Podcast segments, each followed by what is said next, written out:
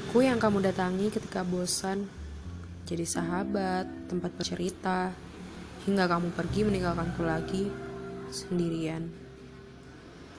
Aku sudah biasa, kamu asik dengan dirimu sendiri. Kamu yang mencintai kesendirianmu.